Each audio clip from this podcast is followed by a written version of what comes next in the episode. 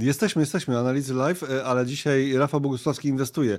Witamy wszystkich bardzo gorąco. Rafał Bogusławski, ten podpisany tutaj, dzisiaj różowiutki, ja. różowiutki, tak, czyli już nie pomylił dzisiaj pudru z talkiem. E, Robert Stanilewicz się nazywam, kłaniamy się nisko. Miałeś projekt, nie wypominać. Projekt inwestycji, ktoś tak napisał w komentarzu po tym, którymś z ostatnich dni. E, za chwilę będzie o, ty, o, tym, o co chodzi z tym cyklem. E, Rafał się pospowiada, poopowiada, co się dzieje, jakie decyzje podjął ostatnio, jakie planuje. E, oczywiście, jeżeli macie jakieś pytania ogólnoinwestycyjne, to jak najbardziej to też jest to miejsce, żeby te pytania zadawać. Ja tutaj będę tylko tak, o, tak, tak będę troszkę tylko tutaj dzisiaj, tak, na uboczu na uboczu. Na uboczu. Bardziej niż zwykle jeszcze na uboczu. Będę obserwował Wasze komentarze. Oczywiście te najbardziej złośliwe będę przekazywał Rafałowi. Dziękuję. Dziękuję. Na Ciebie zawsze można liczyć. Bardzo dziękuję. Ha, ha, ha. Dobra, startujemy, proszę Państwa. Startujemy.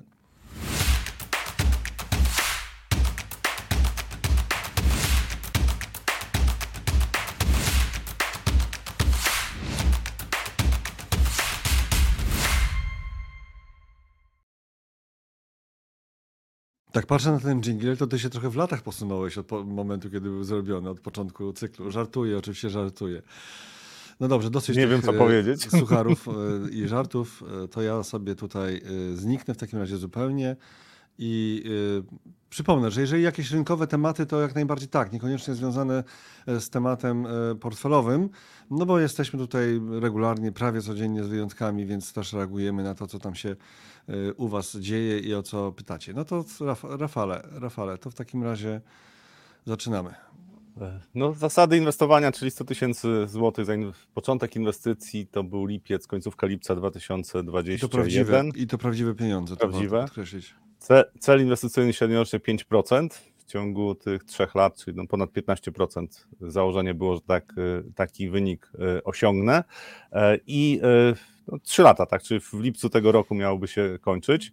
Natomiast też, jeżeli chodzi o zasady inwestycyjne, mm, e, to takie ograniczenia, które ja sobie sam prowadziłem, po pierwsze, że maksymalnie może być 40% funduszy akcyjnych albo surowcowych, tak, to jest jedno ograniczenie, drugie, że... W sumie, tak? W sumie.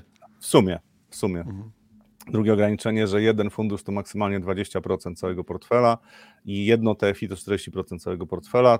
To, to wynika, pierwsze założenie 40% y, funduszy e, akcyjnych i surowcowych, to wynika z tego, że profil ryzyka polskich inwestorów jest raczej taki, że nawet te 40% to jest dość dużo, żeby, żeby w takim portfelu, który jest bardziej zarządzany pasywnie, to znaczy jest skonstruowany i nic się nie dzieje, żeby takie e, ryzyko takich korek, które mogą się pojawić na rynkach akcyjnych, żeby po prostu to nie, nie, panikować wtedy, tylko nadal racjonalnie się zachowywać. No i, rozproszenie, jeżeli chodzi o TFI czy w poszczególne fundusze, no tak, żeby nie inwestować w jeden fundusz, ja wierzę w to, że jednak y, kilka funduszy nawet z jednej grupy y, rynkowej, na przykład akcji polskich, to też jest coś, co, co ma sens. Przynajmniej dwa fundusze, a nie jeden, bo zawsze można się pomylić w w wyborze funduszu. I to takie ogólne zasady, jeżeli chodzi o to. Jedna jak... ważna ogólna zasada jeszcze, że portfel jest złożony wyłącznie mm, z funduszy inwestycyjnych i wyłącznie z funduszy inwestycyjnych dostępnych na platformie inwestycyjnej kupfundusz.pl. Takie założenie. No, no to jest. Znaczy, no, jesteśmy w, tak, w tej banieczce.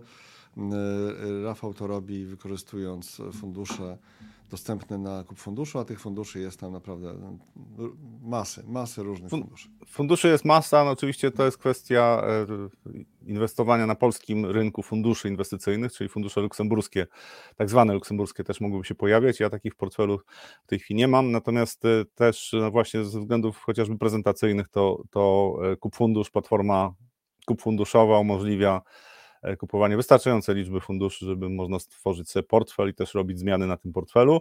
Mm, no i, e, i, i w związku z tym no, nie jest, nie mam jakby dostępnych wszystkich funduszy, które są w ofercie na rynku polskim, natomiast wystarczająco dużo, żeby stworzyć mm, sensowny portfel i też e, wprowadzać modyfikacje. Więc takie ogólne założenia były takie, no i oczywiście teraz skład portfela ja w styczniu przede wszystkim zredukowałem nieco udział e, funduszy akcyjnych e, i, i to przede znaczy dwie rzeczy. Pierwsze to e, był, był jeden z funduszy skarbiec spółek wzrostowych, który zachowywał się nie tak, jak powinien według mnie. To znaczy, to, co się wydarzyło w 2022 roku, to jest coś, co no nie powinno się wydarzyć. Znaczy, to nie mówię tylko o wyniku, tylko o tym, że tam były zmiany w portfelu. Po spadkach akcji połowa portfela została wymieniona, więc to jest coś, strategia, która mi się e, nie, nie, nie przestała podobać. Mm, I, e, I to był udział 1,5% mniej więcej w portfelu, więc e,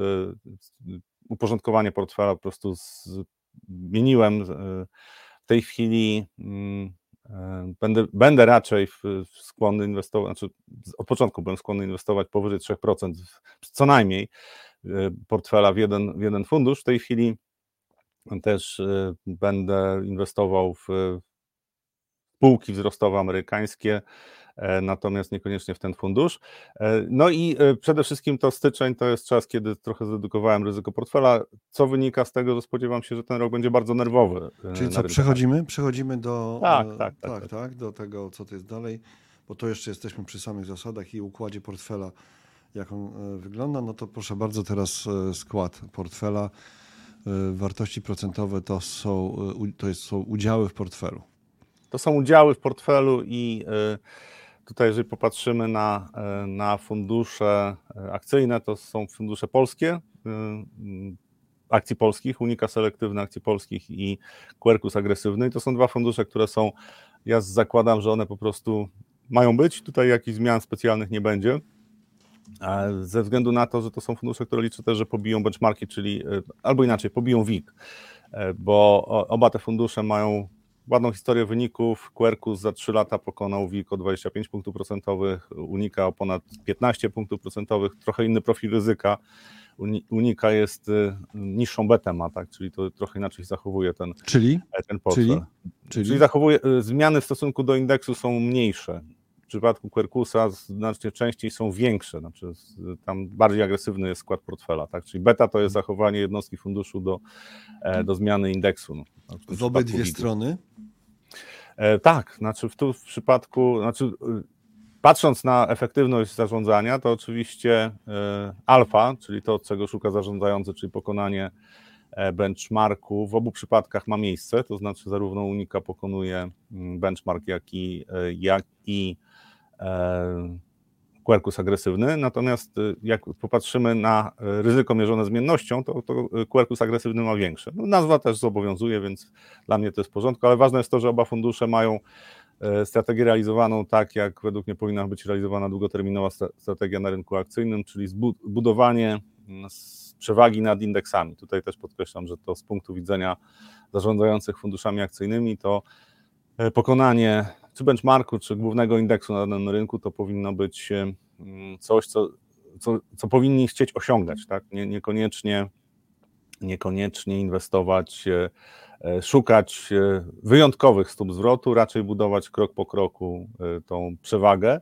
No i oba te fundusze spełniają takie kryteria. Dodatkowo jeszcze uważam, że polski rynek po tych zawirowaniach, które prawdopodobnie już się zaczęły i będą jeszcze, myślę, że w pierwszej połowie tego roku przede wszystkim, być może latem też, ale to już co będzie w przyszłości, to nie wiem. Natomiast, natomiast no, spodziewam się, że trochę zawirowań będzie. E, to mimo wszystko WIG czy polski rynek powinien utrzymać się w trendzie wzrostowym przynajmniej jeszcze półtora roku, być może dwa, być może dłużej, tak? Ale patrzę w te półtora roku i, i spodziewam się, że że hossa na polskim rynku się e, utrzyma, e, z tym, że ten rok no, może być bardziej zmienny niż poprzedni, to znaczy tutaj będzie się więcej, więcej działo też zaskakujących rzeczy, których na, na razie trudno jest przewidzieć, natomiast ze względu na to, że w ogóle optymizm na rynkach akcyjnych na początku roku był dość wysoki, e, to spodziewam się, że przy tym, co dzieje się na świecie, to będzie po prostu dużo większa zmienność, stąd też ostatnie decyzje, czyli zmniejszanie nieco ilości funduszy akcyjnych czy surowcowych w portfelu. Patrząc na ten skład, chwili mam 28,5% mniej więcej tych y, y, funduszy akcyjnych surowcowych. E, tutaj jest jeszcze wśród funduszy dłużnych wymieniony fundusz y, PKO 5-literowego, e, tak, inwest, PKO dochodu USD, tak? To jest ten fundusz, który, który ma w składzie portfela, to jest fundusz funduszy i tam w składzie portfela jest jeden, który ma 10% udziału i to jest fundusz akcji amerykańskich, więc łącznie mam 28%, trochę ponad 28% w tej chwili. Było pytanie od widza, widziałem jeszcze przed rozpoczęciem, czy zamierzam zwiększyć e, udział mm, funduszy akcyjnych w portfelu? Jak najbardziej tak, e, mam dwa kryteria. Znaczy patrzę na rynek amerykański przede wszystkim, być może dokupię też polskich akcji, e, jak WIG będzie poniżej 65 tysięcy, nie wiem czy będzie, ale być może będzie. Natomiast dla rynku amerykańskiego e, przede wszystkim jeszcze e, zakładam, że najbliższe półtora roku, dwa lata to będą spółki wzrostowe, z tym, że teraz mm, ze względu na to, co się wydarzy, dzieje w gospodarce amerykańskiej, co zrobił Fed, też jak duży jak duże inwestycje poszły w ostatnim czasie w fundusze te e, spółek technologicznych, to raczej spodziewam się, że będzie nerwowo w najbliższym czasie. Teraz nie do Nasdaqa odnoszę, tylko do SP500. Zakładam, że albo to będzie połowa, mniej więcej połowa marca, jak będę zwiększał zaangażowanie funduszy akcji amerykańskich, albo będzie poziom na SP500 4200. Jesteśmy na poziomie 4900, więc to oznaczałoby prawie no, między 15 powiedzmy 15-17% przeceny to są takie, taki poziom przeceny korekty, który uważam, że jest bardzo prawdopodobny i notabene spodziewam się, że albo wyznacza, jesteśmy gdzieś blisko wyznaczenia lokalnego szczytu. Mogę się mylić, ale, ale zakładam, że, e, że ten lokalny szczyt w najbliższym czasie będzie. No, więc ten udział w tej chwili e, akcji w portfelu jest stosunkowo niski, e, będzie będzie większy, będę zmierzał w stronę tam powyżej 36%, 36-38% to jest taki No właśnie, bo to jest taki dobry moment, żeby, y, y, zagadałem Cię, przepraszam, czyli będziesz zmierzał do? Będę zmierzał do tego, żeby zwiększyć zaangażowanie mniej więcej o te 10 punktów procentowych, tak, czyli y, funduszy akcyjnych, czyli przede wszystkim przez akcje amerykańskie. Ja uważam, że ten rynek jeszcze ma, ma potencjał. Czyli jaki jest I... teraz układ portfela? Dłużne, akcyjne? 28,5% y, mhm. Y, akcyjnych i surowcowych, bo tam są dwa fundusze no tak. surowcowe, tak. akcji złota i, i, y, i, i Goldman. E, Z akcji indeksu tak. surowców. Tak. Mhm. I okay, tutaj czyli...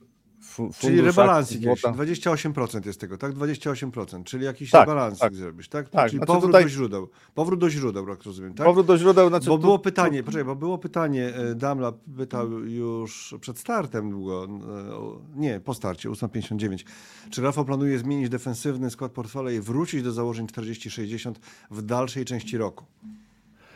E, tak, znaczy tu ja przyjmuję, że powiedzmy maksymalny poziom, y, który, który ten portfel miał, tam 40%, to przez moment 39% było, ale powiedzmy 38% to jest taki poziom, który nie na skutek wzrostu mm, wartości aktywów, inwestycji, tylko po prostu jak podejmuję decyzję, to, to jest ten poziom, do którego może, mogę się zbliżyć. E, I ten poziom w tym ubiegłym roku tam no, przez więcej niż połowę roku był utrzymywany. Ja też redukowałem trochę e, w lipcu, pod koniec lipca e, skład portfela, właśnie zmniejszyłem zaangażowanie na rynku e, akcji, ze względu na to, że tam też wyglądało na to, że optymizm jest zbyt duży. E, w listopadzie, pod koniec października zwiększałem zaangażowanie funduszy akcyjnych, bo z kolei pesymizm był za duży. I teraz jesteśmy też w fazie, w której uważam, że optymizm jest za duży.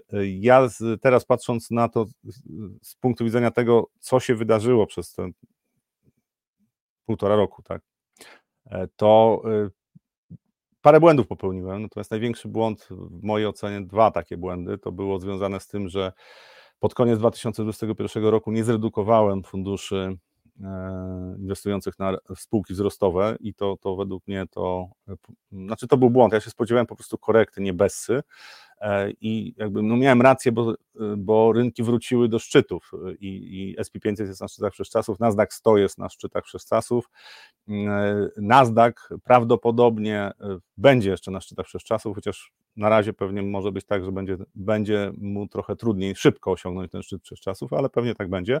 Natomiast to, co się wydarzyło w 2022 roku, no to była kwestia po prostu rozgrzania rynku, który był wcześniej fazie euforii i po prostu zamiast korekty takiej kilkunastoprocentowej, której się spodziewałem, to Nasdaq spadł tam 35%, tak, 34-35%.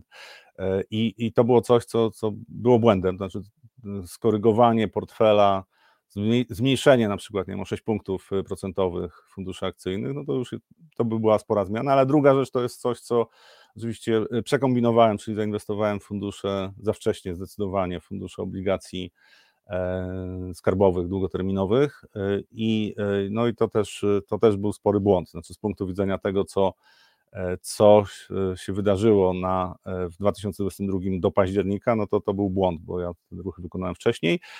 I odnosząc się do tego, co się, co się wydarzyło w, później, jeżeli chodzi o skład portfela, to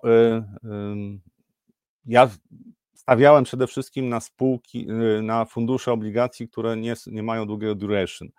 Później konsekwentnie, tak? Znaczy po prostu to nie wynikało z tego, że, e, że poniosłem straty na funduszu, tak? I nie chciałem wracać do funduszy obligacji y, skarbowych, natomiast chodziło przede wszystkim o to, że e, z perspektywy tego, co się wydarzyło, co się wydarzyło w ciągu ostatniego półtora roku, y, to większość funduszy obligacji dłużnych, długoterminowych nie zachowała się dobrze, poza rynkiem polskim, w ogóle środkową Europą. To była według mnie pewna anomalia, to znaczy napływ kapitału, który tu nastąpił, był bardzo duży. Ja nie spodziewałem się, że polskie obligacje dziesięcioletnie znajdą się na poziomach 5% e, rentowności.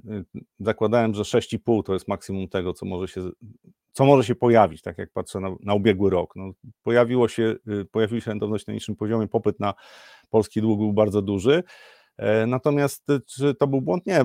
Ja uważam, że ze względu na kontrolę ryzyka, e, czyli to, co się działo w portfelu, to, to moje decyzje, zwłaszcza w ubiegłym roku, były poprawne i wcale nie żałuję, nigdy nie żałuję, ale nie, nie jest dla mnie problemem to, że zachował się rynek długów w Polsce w ten sposób, a ja na tym nie skorzystałem, znaczy na długoterminowych obligacjach. Dlaczego? Ponieważ jeżeli ktoś e, ocenia to, co się wydarzyło w ubiegłym roku na rynku przez pryzmat tego, co się wydarzyło wyłącznie, e, to popełnia pewien błąd, który Kahneman opisał. Zapraszam e, tak, do tej książki znanej, bardzo znanej, Kahnemana, na temat tego, jak myślimy, jakie błędy poznawcze mamy, bo ocenianie tego, jaki był wynik bez e, wzięcia pod uwagę tego, jakie były zagrożenia, jest bez sensu. Bo ze scenariuszy, które się mogły wydarzyć, wydarzyły się tylko te pozytywne. Natomiast gdyby wydarzyło się cokolwiek na Tajwanie, na przykład Chiny zablokowałyby Tajwan, albo e, na Polskę, nie, do Polski nie, dole, nie przeleciałaby przez Polskę jedna rakieta, która gdzieś tam spada, czy może trzy rakiety, tylko zostalibyśmy ostrzelani, no to scenariusze dla e, polskiego, w ogóle dla świata inwestycji byłyby zupełnie inne.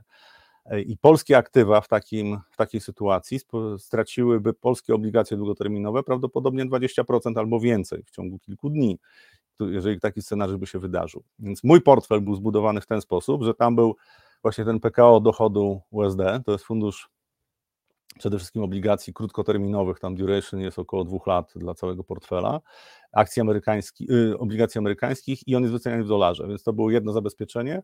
Drugie zabezpieczenie dla portfela było alians obligacji inflacyjnych. To jest dość skomplikowany instrument, natomiast według mnie w ubiegłym roku to miał całkiem e, spory sens, żeby to utrzymywać. Natomiast no, Allianz zmienił strategię od początku tego roku na e, ultra długie e, obligacje i to akurat mi się niespecjalnie podoba.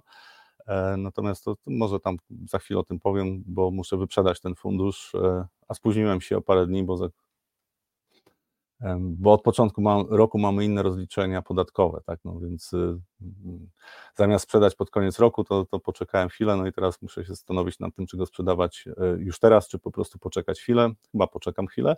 Natomiast to była druga rzecz. Trzecia, trzecia rzecz, która jest policja ubezpieczeniowa, to e, fundusz akcji złota, e, bo to jest też taki, takie aktywa, które w momencie jakby się zaczęło coś dziać w geopolityce, to zachowałoby się dobrze, ale w związku z tym, że e, ten ubiegły rok był dość spokojny, jeżeli patrzymy na geopolitykę, no to, to, to te zabezpieczenia, czy mm, polisy ubezpieczeniowe powodowały to, że w ubiegłym roku zwrot portfela był niższy. Ale dla mnie to jest coś bardzo w porządku. Znaczy, patrząc na to, jak się zachował portfel, to uważam, że że zachował się dobrze w ubiegłym roku. Tak? Błędy popełniłem rok wcześniej, natomiast ubiegły rok był według mnie ok. To, że nie wykorzystałem w pełni możliwości zainwestowania przez polskie długoterminowe obligacje, przy poziomach ryzyka, które występują na, na rynkach światowych, uważam, że to nie, niekoniecznie chciałem e, ryzykować następne 20% spadku wartości portfela, gdyby wydarzyło się coś negatywnego. Więc ten portfel był w miarę agresywny, natomiast e, znacznie bezpieczniejszy niż był w 2021 roku i według mnie to jest, to jest ok. Zmiany, które, które teraz w styczniu, pod koniec roku i w styczniu wprowadziłem, to przede wszystkim ograniczenie trochę ekspozycji na rynkach akcyjnych. To wynika z moich oczekiwań na to, co się będzie działo w najbliższym czasie na rynkach. I przede wszystkim spowolnienie gospodarcze w Europie i w Stanach ono będzie. Pytanie, jak głębokie. Ja zakładam, że nie będzie to recesja, natomiast tego nikt w tej chwili nie wie, mm, czy będzie recesja, czy nie będzie recesji.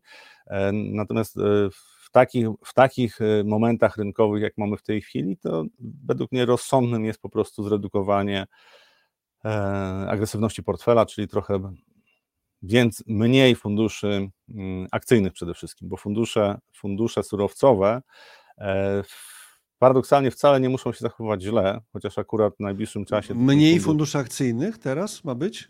Nie tak.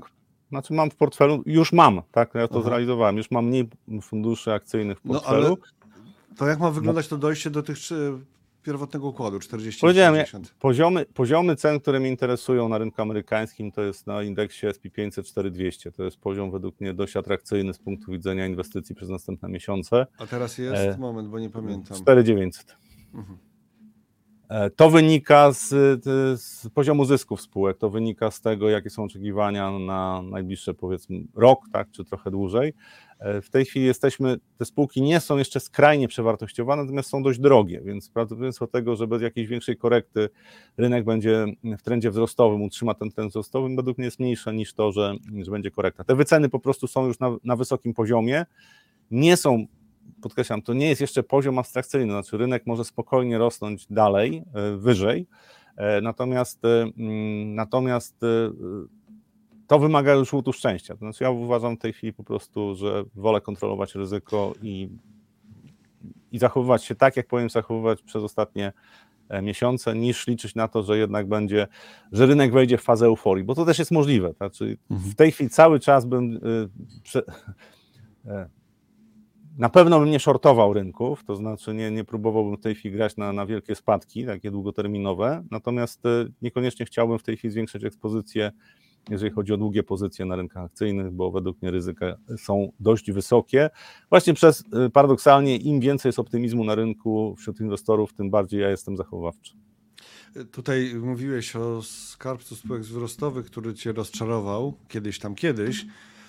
Włączyła się loża, nie, nie, nie szyderców, włączyła się jak to określić, no to ci, tacy, fan klub, fan klub, o, fan klub, albo powiedziałbym, na może liderki tego funduszu, gdyby to raczej chyba nie pan, panowie czyli liderzy, czyli na przykład Tom pisał Skarbie spółek wzrostowych najlepsze za 12 miesięcy i próbuje odzyskać twarz, więc nie to, momen, nie to momentum, ja bym napisał chyba nie ten timing e, w tej sytuacji.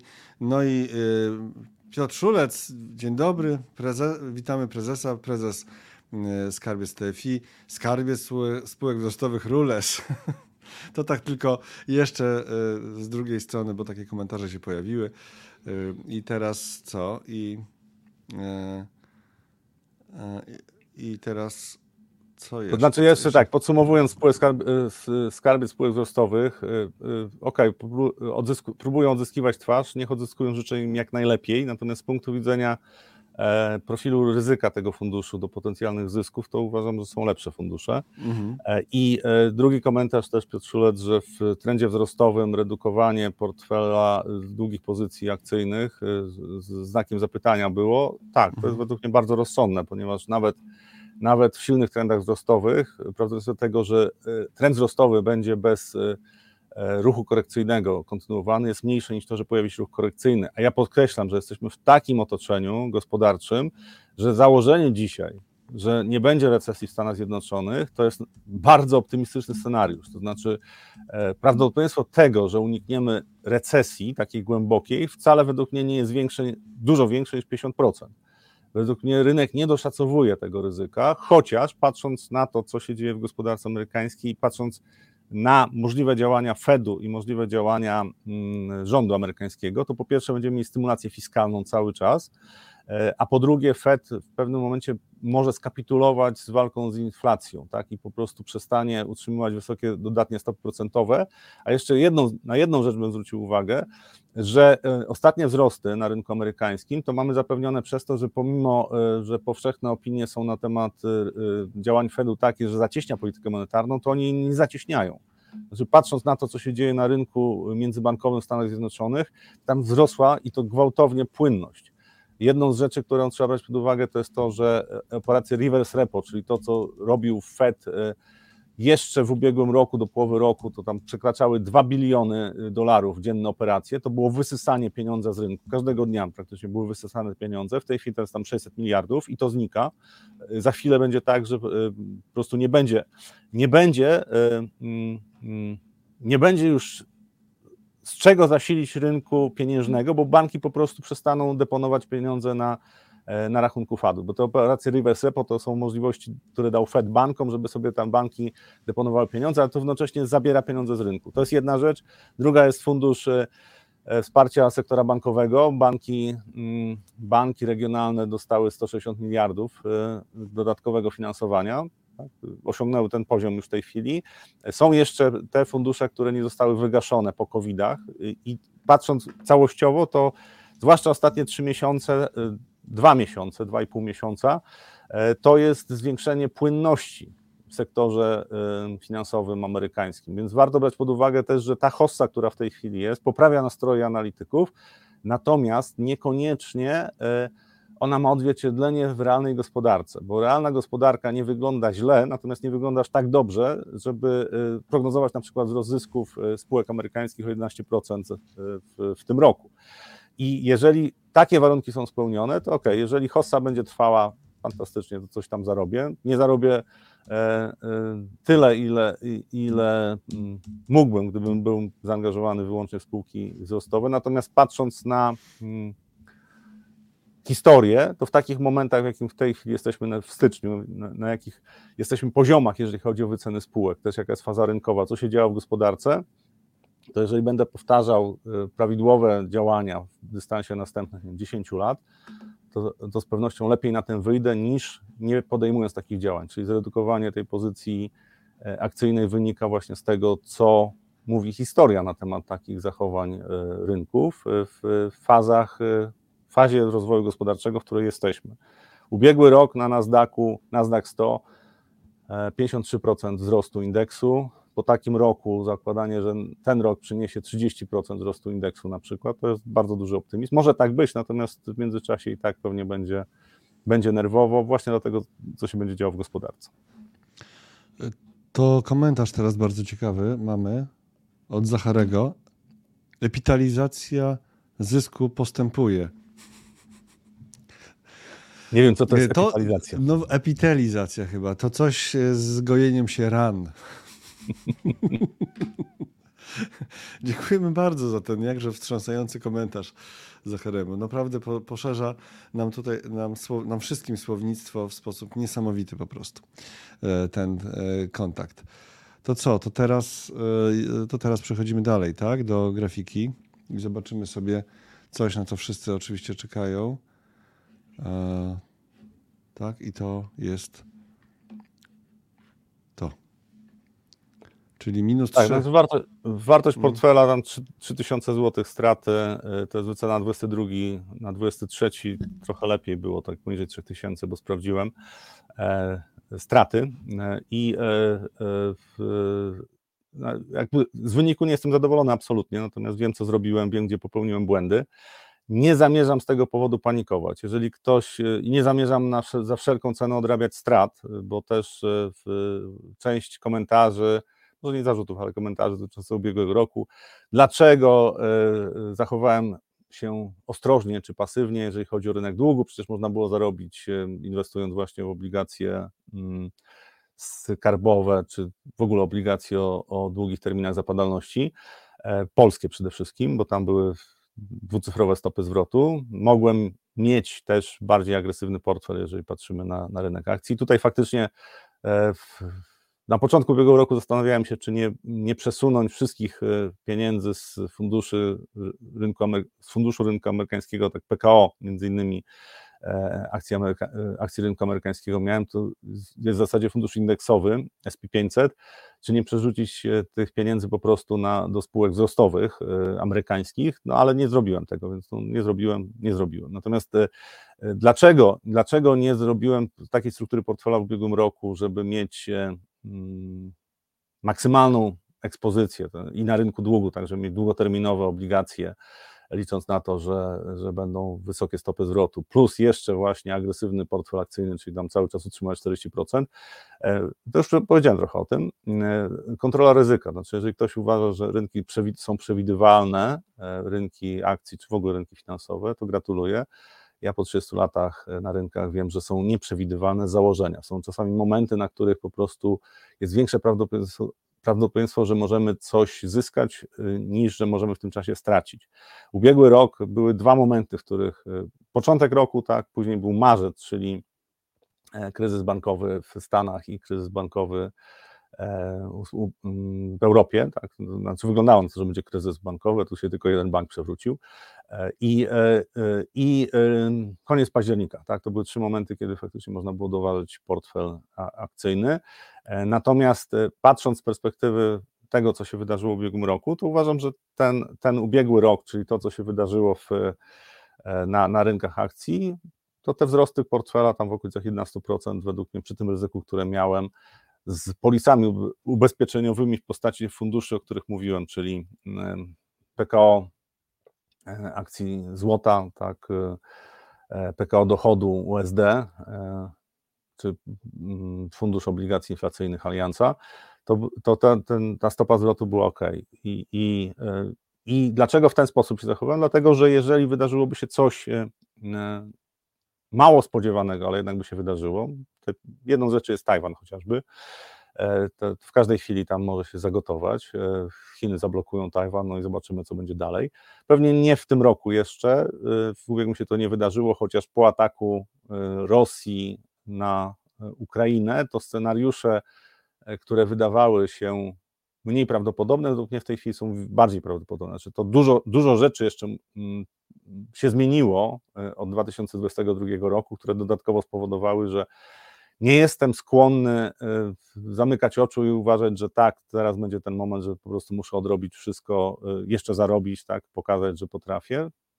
Robię swoje i będę to robił w najbliższym czasie. W, w ubiegłym roku E, też e, mm, jeszcze kilka, kilka rzeczy oddziaływało negatywnie na mój portfel, o którym nie wspomniałem. Jedno to jest wybór właśnie PKO akcji rynku złota, mm, zamiast na przykład funduszu, który będzie inwestował w kontrakty terminowe e, na złoto. Ja zakładałem, że oczywiście jak nie będzie wielkiej hossy na rynku złota, to, to ten fundusz będzie zachował się słabo. Tak zachowują się te, te, te mm, spółki w momencie, kiedy nie ma hossy na, e, na, na, na, złocie, to te spółki bardzo często mają, zachowują się znacznie gorzej niż, e, niż sam indeks złota. No i, ale tylko skala mm, tej, e, czy różnica pomiędzy zachowaniem rynku złota a tymi funduszami jest no, większa niż zakładałem przez ostatnie 3 lata różnica w punktach procentowych to jest 30 punktów procentowych. To znaczy rynek złota od momentu jak rozpocząłem y, to, ten po,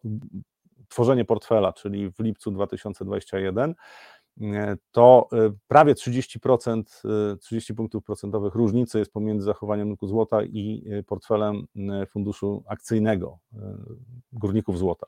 I to nie jest tak, że ten fundusz jest źle zarządzany, bo jak weźmiemy jakikolwiek fundusz rynku e, akcji złota, e, to zachował się równie źle. To znaczy GDX to jest taki, e, taki fundusz,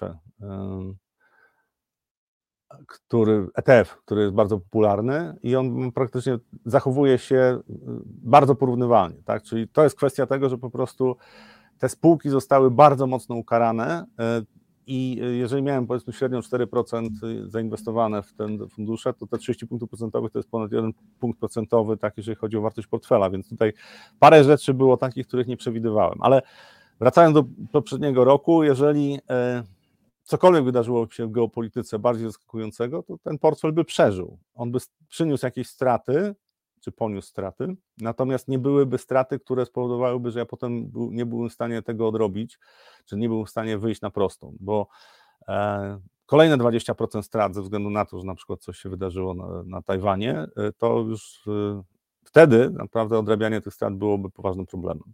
Ja powtarzam, Pokazałem w ubiegłym roku, w jaki sposób się zachowuję, jak popełnię błędy, i wcale nie rzucam się do odrabiania strat natychmiast. Tak? Nie interesuje mnie, jaki jest poziom inflacji, nie interesuje mnie to, czy przejściowo tracę do inflacji, czy nie. Ja po prostu założenia robię swoje i staram się to robić konsekwentnie. I w związku z tym, że 2022 y, popełniłem sporo błędów, 2023 nie, po, nie popełniałem kolejnych błędów, znaczy nie chciałem za wszelką cenę odreagowywać po tamtych błędach. I to jest mój sposób na radzenie sobie z taką sytuacją. Nie każdemu musi to odpowiadać. W tym roku zachowuję się dalej w ten sam sposób, w jaki zachowałem się w ubiegłym roku, to znaczy nie będzie, nie będzie zakładów all-in i nie będzie sytuacji, w której ja będę oczekiwał, e, e, że zarobię 40% na portfelu. Raczej nie. Będę zachowywał się tak, jak zachowuje się w tej chwili, po prostu jak rynek według mnie już za długo idzie w trendzie wzrostowym i są przesłanki do tego, że, że, że zagrożenia dla ten są mm, poważne, to zredukuje trochę ryzyko portfela i zobaczę, co się będzie działo dalej. Było pytanie o to, czy zamykamy w lipcu, czy kontynuujemy, ale to, na to pytanie sami jeszcze nie znamy odpowiedzi. Bazowy scenariusz jest taki, że zamykamy w lipcu. Nie, no wydaje mi się, że kontynuujemy. Tak? No dobrze, ale nie, nie, nie mieliśmy jeszcze y, y, debat na ten temat wewnętrznych. No dobrze, słuchajcie drodzy, y, dziękujemy bardzo za wszystkie komentarze. Y, tutaj było coś o Chinach, że znowu wzrost. Tak, Hang Seng 1,72, a Szanghaj za to. A, to może, Robercie, to może jeszcze ja bym mhm. poprosił w takim właśnie, razie, tak, tak, bo ja bym pokazał. Tak. O, tak. Ale pokażę właśnie, bo tutaj ja miałem e, e, miałem Alliance A-Shares China, taki fundusz i pokażę, bo to też jest jedna z rzeczy, e, której w ogóle nie brałem pod uwagę, jak zaczynała się cała przygoda. Ten portfel miał być zdywersyfikowany, miały być między innymi Chiny. Natomiast co zrobiłem e, i, i dlaczego to zrobiłem? Tutaj TFI Alliance, e, proszę bardzo. Alliance China A-Shares, widać, widać. Czy e, iShares, czyli te, e, te akcje? W, a, trudniej dostępne dla inwestorów zagranicznych. To mm, tak. są takie jakby wewnętrzne, wewnętrzne, e, wewnętrzny rynek chiński i to miał być przebój. I w związku z tym, że po prostu stwierdziłem, że ok, tutaj zaczynałem budowanie portfela, no ok, akcje chińskie, one nie były wtedy jakoś specjalnie bardzo wysoko wycenione. Mm, jest szansa, że po po covid po tym, że Chiny jednak wydawało się wtedy, że, że e, jakby nie będzie to aż tak poważny problem dla chińskiej gospodarki, jak później się okazało, no to zbudowanie portfela, w którym te akcje chińskie są, no to jest całkiem stosowny pomysł. Ja miałem jeszcze fundusz PKO e, rynków wschodzących e, i w związku z tym, że tam jest jedna, była jedna trzecia akcji chińskich, to tam ten fundusz też nie zarobił. Natomiast pokażę, co się wydarzyło na tym, na tym funduszu. Tutaj był zakup tych tego funduszu do portfela i tutaj, tutaj był atak, tutaj był atak, o, tu, tu, tu, tu był mhm. atak e, e, Rosji na, na Ukrainę i teraz pytanie tak, czy powinienem wtedy zreduk- znaczy wyrzucić ten, ten, ten fundusz. Ja przyznam że na początku zakładałem, że to nie będzie miało aż aż tak dużego znaczenia dla świata, jak okazało się, że ma. Ale rząd chiński zrobił jeszcze kilka innych rzeczy i to był ten 2022. Ja tutaj 2021 wydawało mi się, że to są takie działania krótkoterminowe i tam niektóre branże po prostu uspokoją, znaczy usadzą tych miliarderów, ale regulacje, które zaczęli wprowadzać, były koszmarne. To znaczy to, co się dzieje w tej chwili z rynkiem chińskim, akcyjnym, to jest pochodna tego, co zrobił rząd chiński przez y, dwa lata 2021-2022. Nie odbudują tego zaufania. E, ja pozbyłem się tego portfela ze stratą, znaczy z portfela tego funduszu ze stratą i powiedziałem, że nie wrócę na ten rynek. I teraz, jeżeli ktoś słucha live'ów, to to, co się dzieje w tej chwili, tutaj jeszcze nie ma wycen z ostatnich, ostatnia wycena jest 23. E, zresztą też iShares Y, to nie będzie ten segment rynku, który zyska najwięcej, najwięcej Hang Seng i spółki technologiczne. Tam e, w ostatnie dwie sesje, e, przedostatnie dwie sesje to były po 3% wzrostu. W, dzisiaj też jest wzrostowa sesja. 1,72. I ja o tym mówiłem na początku tego tygodnia, na live'ach mówiłem o tym, że patrząc na poziom wyprzedania, poziom zniechęcenia do rynku, plus to, że rząd chiński już w poprzednim tygodniu zapowiedział kilka inicjatyw dotyczących e, pompowania pieniądza w gospodarkę, że tutaj odbicie jest bardzo prawdopodobne na 20%. Tylko znowu, ja do tego fundu, do funduszu akcji chińskich nie wrócę i nie będę próbował spekulować na mm, krótkoterminowo na, na akcjach chińskich, e, bo e, nawet jeżeli te wzrosty będą 20-25%, to w perspektywie następnych miesięcy, według mnie my wrócimy do trendu spadkowego. Dlaczego? Bo Chiny zaczęły iść w stronę mm, socjalizmu, gospodarki y, centralnie planowanej, czyli zrobił odwrót rząd chiński od kapitalizmu. I to będzie miało bardzo poważne konsekwencje dla długoterminowych inwestycji. Więc jeżeli tutaj popatrzymy na to, co się wydarzyło z rynkiem chińskim, e, to taki portfel, który wymyśliłem sobie w 2021 roku, który będzie dywersyfikacja, że będzie właśnie część Azji, że będzie, y, będą Stany Zjednoczone, będzie Azja, będą rynki wschodzące, jeszcze będą rynki europejskie, to po tym, co się wydarzyło w 2022 roku po ataku Rosji na Ukrainę i po tym, co się wydarzyło w Chinach, to y, pomysł, który na początku miałem, po prostu jest, stał się bez sensu. Znaczy to, to, co się wydarzyło z rynkiem chińskim, jest dowodem na to, że tu odczytałem to prawidłowo, tylko trochę późno, mogłem wcześniej. Kto nie stracił nadal... inwestując w Chińczyki, niech pierwszy rzuci kamieniem, pisze Mr. Tom. I nadal. No tak, tylko ja pokazuję, pokazuję y, y, na pewne wydarzenia, które trudno było przewidzieć. Tutaj jeszcze wracając historycznie, tak, to 2022 rok. Ja tutaj, w tym tutaj, e, w, w listopadzie, tak, w październiku, zainwestowałem y, inwestor Rosja. To był taki fundusz, który inwestował na rynku rosyjskim, no bo spodziewałem się, że ceny surowców energetycznych pójdą w górę, takie spółki też powinny rosnąć. Ja w ogóle nie, nie zakładałem, że Rosja może zaatakować Ukrainę, ale w grudniu, 9 y, grudnia, sprzedałem ten fundusz. Dlaczego? Bo chociaż nie zakładałem, że Rosja zaatakuje Ukrainę, to po prostu już plotek było tak dużo e, i e, e, niepokój związany z tym potencjalnym atakiem był tak duży, że stwierdziłem, że jeżeli mm, Rosja zaatakuje Ukrainę, to ja z tej inwestycji nie wyjdę. Znaczy w tej chwili inwestor Rosja jest w, likwidacji. Tak? Znaczy ten, po ataku Rosji na Ukrainę jeszcze można było sprzedać ten fundusz, ale to już ze stratą potężną. E, natomiast teraz po prostu bym czekał na to, że nastąpi, nie, nie śledziłem tego, ale wydaje mi się, że nadal jest w likwidacji, czekałbym na nastąpi zlikwidowanie tego funduszu. To są rzeczy, które wydarzyły się w ciągu ostatnich tych dwóch i pół roku, których ja naprawdę wcześniej nie zakładałem. Więc zmiany, które nastąpiły w portfelu, wynikają też właśnie z tego, że według mnie rynek chiński przestał być atrakcyjny długoterminowo, mówię o najbliższych kilku latach, co nie zmienia faktu, że teraz 25%, jeszcze 20% z obecnych poziomów na Hang Sengu jest do zrobienia jak najbardziej. To jest tylko kwestia, ile tam no i widzisz, podpompują pieniędzy. I teraz się odbywa kuszenie. Nie powiem, że to ostatnie kuszenie Rafała, ale jest. Ale może warto wrócić na rynek chiński na około 1-3 miesiąca. Rafał Bogusławski, RB mówił, że jest szansa na mocne odbicie, więc przecież RBI dokonuje również szybkich zmian.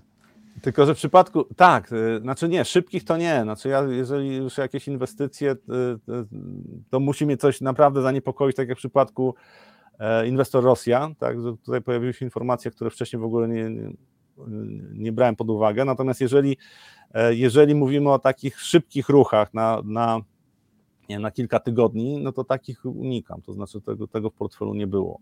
E, raczej, raczej patrzę na takie ruchy, no przynajmniej tam kilkumiesięczne albo dłuższe. Natomiast gdzie tkwi problem z Chinami? E, po tym, co zrobił rząd chiński, to w tej chwili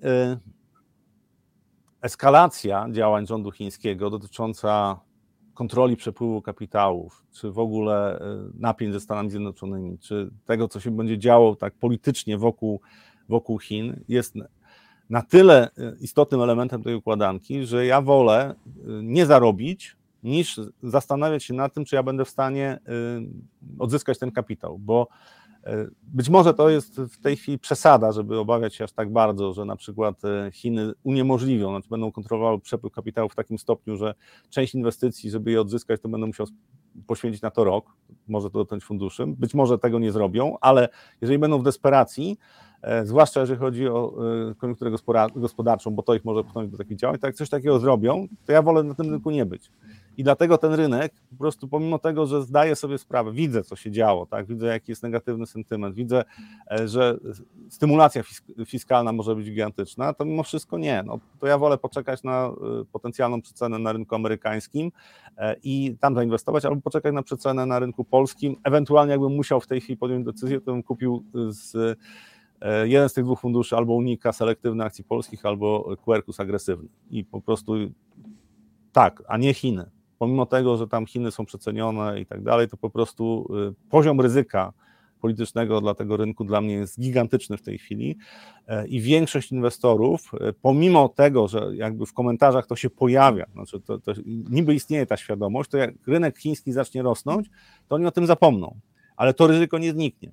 Więc teraz jest pytanie, czy ja chciałbym w coś takiego się zaangażować? Nie, ja nie. Znaczy po prostu y, nie chcę podejmować później decyzji za trzy tygodnie, rząd chiński znowu czymś zaskoczy, będą spadki 5%, ja będę się zastanawiał, co dalej z tym e, funduszem zrobić. Nie chcę. Po prostu nie. Okej, okay. E, co dalej tutaj? Zostawmy już ten temat chiński. Czy jeszcze coś chcesz tutaj pokazać, bo zmierzamy do końca? Znaczy, chyba nie. Tutaj z tych funduszy, znaczy po prostu tutaj pozycje dość duże, jeżeli chodzi o fundusz PKO dochodu, to chciałem tylko pokazać. To jest fundusz który nie ma zabezpieczenia walutowego z założenia.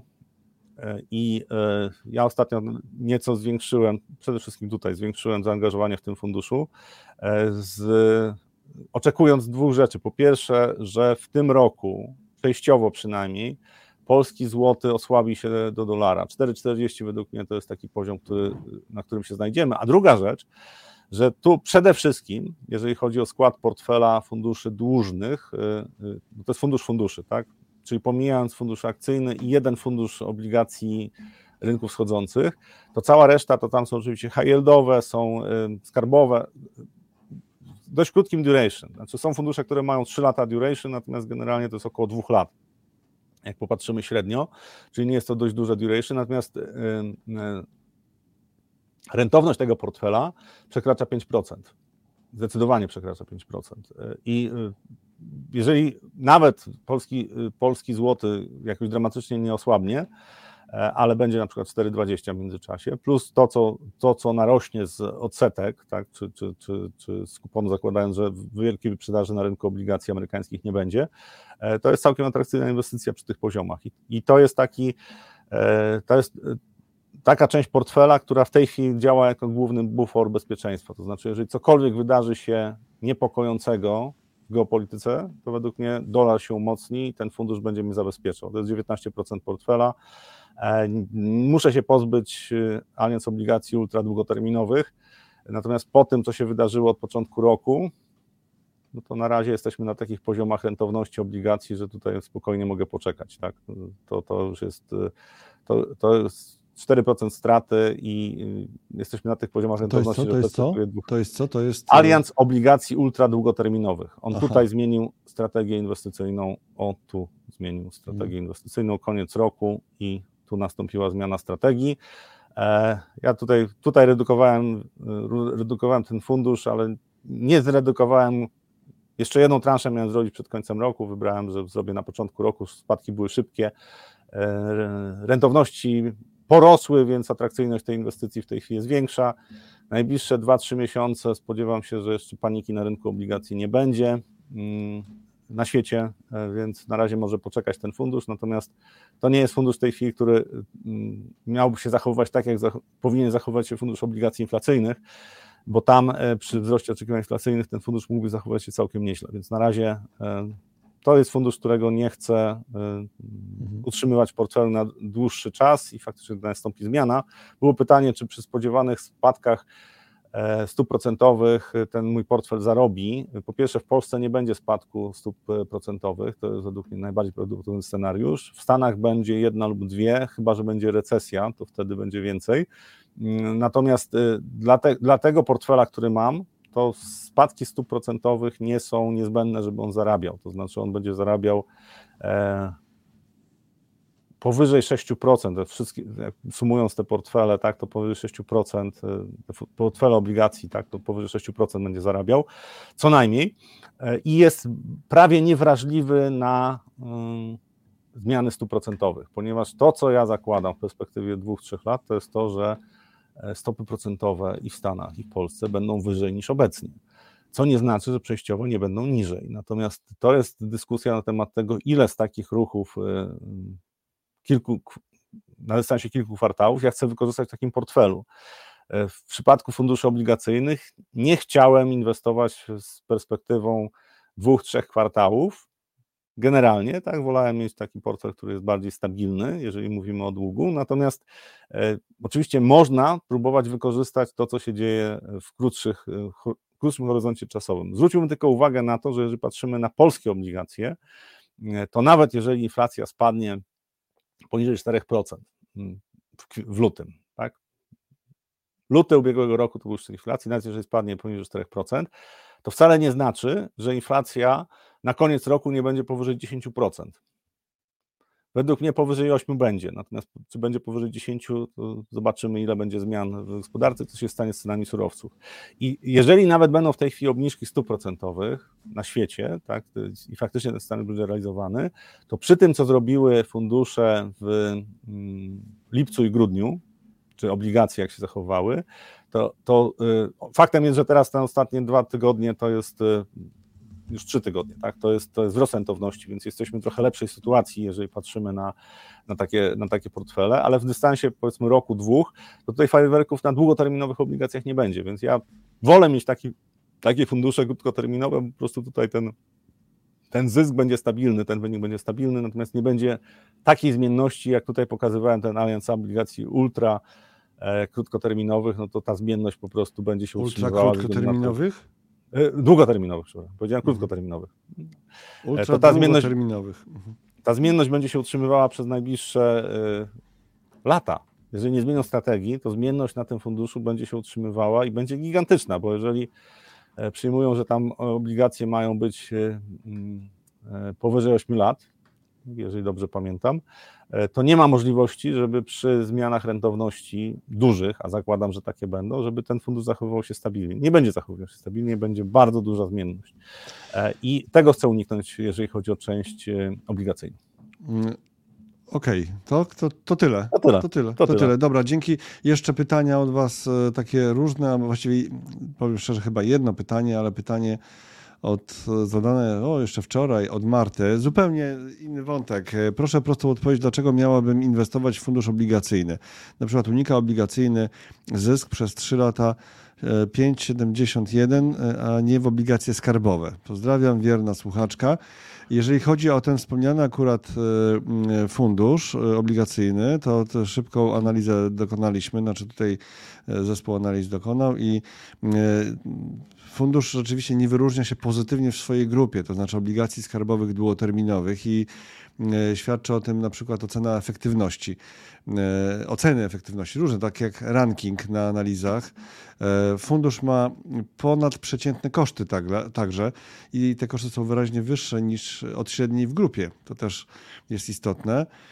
E, I e, są w tej grupie też fundusze, które mają zupełnie inny wynik, na przykład takie dwa, nie wymienię z nazwy, ale po 14% zysków w 2023 roku. Także akurat jeżeli jest pytanie, dlaczego inwestować w fundusz obligacyjny y, jako taki, no to też odpowiedź, że były takie, które zarobiły no, 14% w ubiegłym roku. Czy w ten konkretny? No pytanie było nie w ten konkretny, tylko na przykład unika obligacyjny zysk przez 3 lata, Tylko czy to ja- jest minus 50, czy, czy to jest minus 5,71?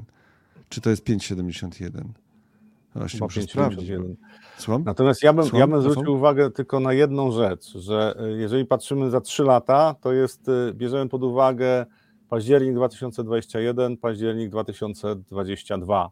I to, to była gigantyczna wyprzedaż na rynku obligacji i długoterminowe obligacje, po prostu tam były straty, które bardzo ciężko jest odrobić, bo jak zaczynaliśmy ten ruch spadkowy na, y, na funduszach obligacji, y, to rentowności były 0,1, znaczy stopy procentowe na poziomie 0,1, tak? czy rentowności obligacji dziesięcioletnich były tam trochę powyżej 1%, z tego co pamiętam, 1,2 chyba, czy 1,4. E, I w międzyczasie doszły do 9%, czyli, a jesteśmy w tej chwili na poziomie powyżej 5%, jeżeli chodzi o rentowność, 5,30. Więc my nie wróciliśmy do tych poziomów rentowności, które, y, y, które były 3 lata temu. Tak? No, już pomijam, pomijam te, ten, ten moment, kiedy te, te rentowności były naprawdę bardzo niskie, ale wcześniej też były rentowności powiedzmy poniżej 2% obligacji tych długoterminowych. I to jest coś, co co zaburza postrzeganie takich, takiego portfela obligacji. To znaczy, prawdopodobieństwo tego, że tak gigantyczna wyprzedaż się w tej chwili, znaczy tak duże straty, jakie były w, w te 12 miesięcy, październik 2021, październik 2022, że one się powtórzą, jest niskie. Dlaczego? Bo rentowności tego portfela są dużo wyższe. My jesteśmy w tej chwili zdecydowanie powyżej 5%, jeżeli patrzymy na rentowności mhm. takiego portfela e, i to już jest bufor bezpieczeństwa. To znaczy musiałyby w tej chwili rentowności takich obligacji pójść pewnie na e, 8-9% e, i zostać na tych poziomach, żeby straty były porównywalne. Jeżeli z dzisiejszych poziomów patrzymy na, na to, jak ten portfel może się zachowywać w trochę dłuższej perspektywie, taki obligacyjny, to on w perspektywie 10 lat pewnie się wybroni. Natomiast jeżeli mówimy o obligacjach detalicznych, skarbowych, no to jest zupełnie inna historia. Po prostu kupuję jakieś obligacje, mają y, kupony, które są ustalone od początku i tam nie mam żadnego ryzyka rynkowego. Tutaj jest ryzyko rynkowe i po prostu to jest coś, co trzeba brać pod uwagę, jak inwestuję w fundusze obligacji. Tutaj pokazuję teraz y, jeszcze pokażę z innego miejsca e, wykres. Akurat tego wspomnianego przez Martę funduszu, tak po prostu wyrywkowo, jako przykład Tutaj mamy na stronie kupfundusz.pl. Skoro jesteśmy już przy tych inwestycjach e, na kup funduszu, to e, ten e, za Maxal za 36 miesięcy to wygląda tak rzeczywiście minus 5,71, sorry, minus 5,71 za te 3 lata, no ale tak jak Rafał mówił, tutaj od października mamy tak gdzieś, był ten potężny zjazd od października 2021 no, nawet wcześniej się już zaczęło na tym funduszu akurat. No ale zobaczmy sobie, jak to jest na tle grupy. No, no słabiej od grupy w tym ostatnim okresie, no ale to, to też nie jest jakiś tam wielki rząd wielkości, tak? Znaczy to jest istotna różnica, e, aczkolwiek nie przepaść, tak? A za ostatnie 12 miesięcy, no tutaj rzeczywiście e, do tej grupy e, nie dociąga fundusz, ale ma wyniki plus 8,31, czyli aż tak źle nie jest, tak? Ale tak jak mówiliśmy, tutaj akurat z funduszy dłużnych to pewnie są inni faworyci. Tak? I tutaj też można sobie zobaczyć jako funduszu ten performance konkretnego e, czy na analizach.pl. No dobrze, tyle odpowiedzi na, na, pytanie Marty, zadane jeszcze wczoraj o 5.15. Mam nadzieję, że Marta tutaj gdzieś zajrzy albo ogląda żeby sobie e, posłuchać tej e, wypowiedzi, odpowiedzi. No i teraz już kończymy, proszę Państwa, to dzisiejsze spotkanie. E, kolejne spotkanie w analizach live będzie w poniedziałek i Rafał wystąpi solo i będzie o bieżących sprawach rynkowych. Tu były pytania, ktoś pyta Rafale o funt dolar na przykład, tak? Funt dolar jest takie pytanie. Co dalej z surowcami jest takie pytanie, to może wtedy... To na poniedziałek. Na poniedziałek. Dolar, tak? Właśnie jestem to, to, to, to na poniedziałek. To na bardzo, ba, ale tylko chciałem powiedzieć, że jestem po bardzo gorącej, e, wyczerpującej analizie i wiem wszystko. Żartuję. Wow. tak, żartujesz akurat, tak. Nie, ale, e, ale zrobiłem analizę tej pary walutowej, więc chętnie się podzielę i pokażę, co jest dla mnie istotne i, e, i na co bym zwracał uwagę w najbliższych tygodniach, bo tutaj myślę, że no będzie, będzie sporo się działo. Oj, będzie, oj, będzie. Mm -hmm, No dobrze. To e, midterm dziękuję, super, to dziękujemy pięknie za to spotkanie. Trzymajcie się e, zdrowo i dobrze i e, widzimy się, znaczy ja widzę też Rafała z zewnątrz, ale widzimy się generalnie w poniedziałek na solówce Rafała. Dziękuję pięknie, do zobaczenia, trzymajcie się. Do zobaczenia.